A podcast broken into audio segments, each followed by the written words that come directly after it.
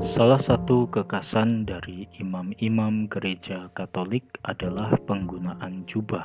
Terkait penggunaan jubah, tentunya hal tersebut telah diatur sedemikian rupa, termasuk juga soal warna dari jubah tersebut. Warna putih digunakan oleh seorang paus, warna merah digunakan oleh kardinal, warna ungu digunakan oleh uskup, dan warna hitam digunakan oleh pastor.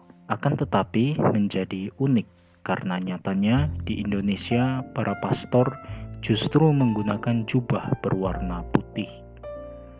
Penggunaan jubah berwarna putih di kalangan pastor-pastor Indonesia tidak terlepas dari sejarah tokoh pendiri Seminari Tinggi Santo Paulus Yogyakarta yang sekarang ini berada dalam wilayah Keuskupan Agung Semarang, yakni Monsinyur Willekens SC.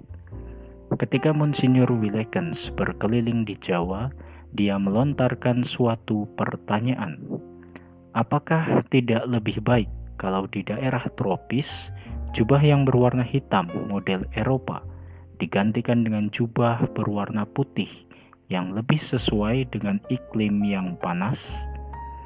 Pertanyaan yang muncul dari ucapan Monsinyur Willekens tersebut kemudian diperjuangkannya hingga akhirnya disetujui oleh kepausan, sehingga sejak saat itu para pastor, bruder, dan suster mulai memakai jubah putih. Usulan dari Monsinyur Willekens tersebut bukan hanya karena alasan iklim saja, tetapi karena dia pun juga memahami secara seksama Maksud dari dua surat apostolik berjudul Ad Extremas yang ditulis oleh Paus Leo ke-13 tahun 1893 dan Maximum Illud yang ditulis oleh Paus Benediktus ke-15 tahun 1919 yang mana berbicara bahwa gereja universal mulai menghargai budaya lokal, mulai mendorong penguasaan bahasa setempat dan panggilan imam-imam pribumi. Kendati demikian, sebagian pastor di Indonesia ada pula yang sesekali mengenakan jubah hitam. Hal tersebut bisa jadi karena pastor yang bersangkutan mau mempraktekkan apa yang semestinya telah ditetapkan oleh gereja universal.